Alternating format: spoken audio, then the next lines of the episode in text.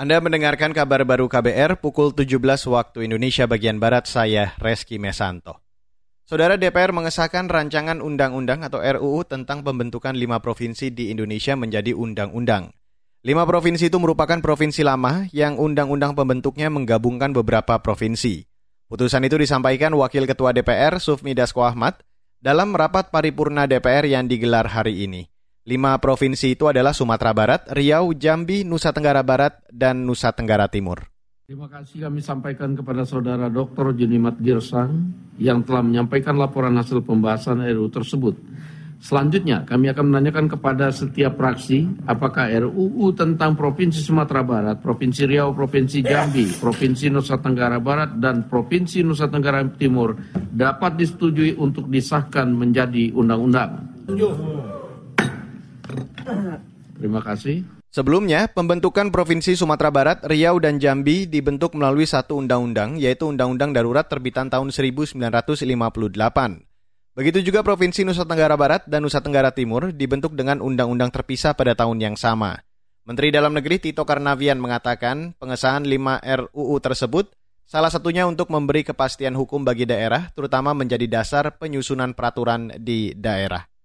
Beralih ke lantai bursa, saudara, perdagangan saham di Bursa Efek Indonesia masih belum mampu bangkit dari kelesuan. Indeks harga saham gabungan atau IHSG yang semula perkasa di sesi perdagangan pagi, kembali loyo di sesi penutupan.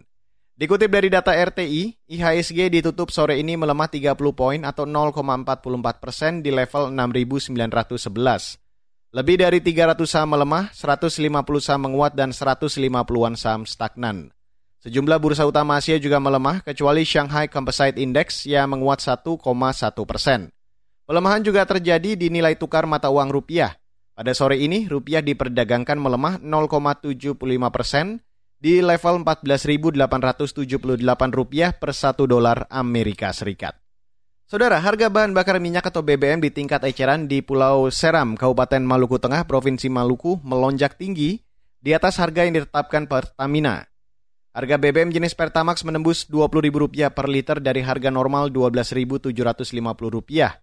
Sedangkan Pertalite dijual antara Rp14.000 hingga Rp16.000 per liter, jauh di atas harga normal Rp7.850. Wakil Ketua Komisi 2 DPRD Maluku Tengah, Hasan Al-Katiri meminta PT Pertamina turun tangan mengatasi kenaikan harga BBM karena memberatkan masyarakat.